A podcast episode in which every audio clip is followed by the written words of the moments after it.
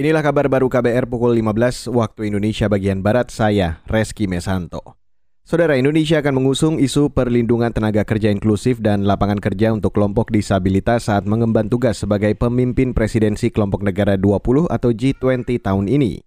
Hal itu diungkapkan Menteri Ketenagakerjaan Ida Fauzia saat halal bihalal secara virtual di lingkungan Kementerian Ketenagakerjaan hari ini. Dalam pertemuan yang diikuti oleh negara G20 ini akan dibahas isu internasional di bidang ketenagakerjaan, yaitu meningkatkan kondisi kerja untuk pulih dari pandemi COVID-19. Isu tentang tenaga kerja inklusif dan pekerjaan yang layak bagi penyandang disabilitas pengembangan kapasitas sumber daya manusia untuk pertumbuhan produktivitas yang berkelanjutan, penciptaan lapangan kerja berkelanjutan, serta jaminan sosial ketenagakerjaan di dalam dunia kerja yang baru. Saudara itu tadi Menteri Ketenagakerjaan Ida Fauzia. Maret lalu, Kementerian Ketenagakerjaan telah menggelar pertemuan pertama Presidensi G20 Indonesia Kelompok Kerja Bidang Ketenagakerjaan di Jakarta, yang dilanjutkan pertemuan kedua di Yogyakarta bulan ini. September mendatang Indonesia akan menggelar pertemuan para menteri ketenagakerjaan anggota G20 di Bali. Beralih ke berita selanjutnya saudara, minyak goreng menjadi pemicu terjadi inflasi 0,95 persen di April kemarin. Menurut Kepala Badan Pusat Statistik atau BPS, Margo Yuwono, andil minyak goreng terhadap inflasi April sebesar 0,19 persen. Selain minyak goreng, BBM, daging ayam ras, tarif angkutan udara, dan ikan segar juga memicu inflasi April 2022.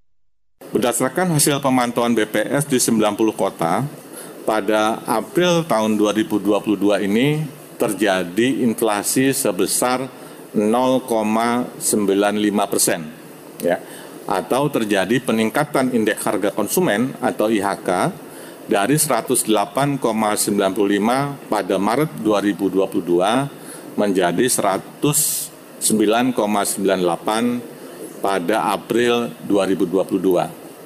Kepala BPS Margo Yuwono menambahkan, 90 kota yang dipantau BPS mengalami inflasi. Inflasi tertinggi kata dia terjadi di Tanjung Pandang, Belitung sebesar 2,85 persen. Sementara inflasi terendah terjadi di Gunung Sitoli, Pulau Nia, Sumatera Utara sebesar 0,22 persen. Saudara, angka kecelakaan dan korban meninggal selama mudik lebaran tahun ini turun 31 persen dibandingkan 2019 atau sebelum pandemi COVID-19. Pada periode 25 April sampai 5 Mei lalu, 4.100-an kecelakaan lalu lintas dengan 500-an korban meninggal. Di periode yang sama di 2019 sekitar 4.000-an kecelakaan dengan 800-an orang meninggal.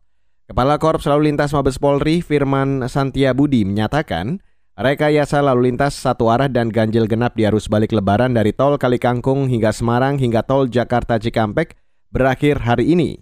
Kepolisian Kata dia, berterima kasih atas partisipasi masyarakat yang telah menyukseskan mudik dan arus balik di libur Idul Fitri tahun ini. Dan saudara, demikian kabar baru saya Reski Mesanto.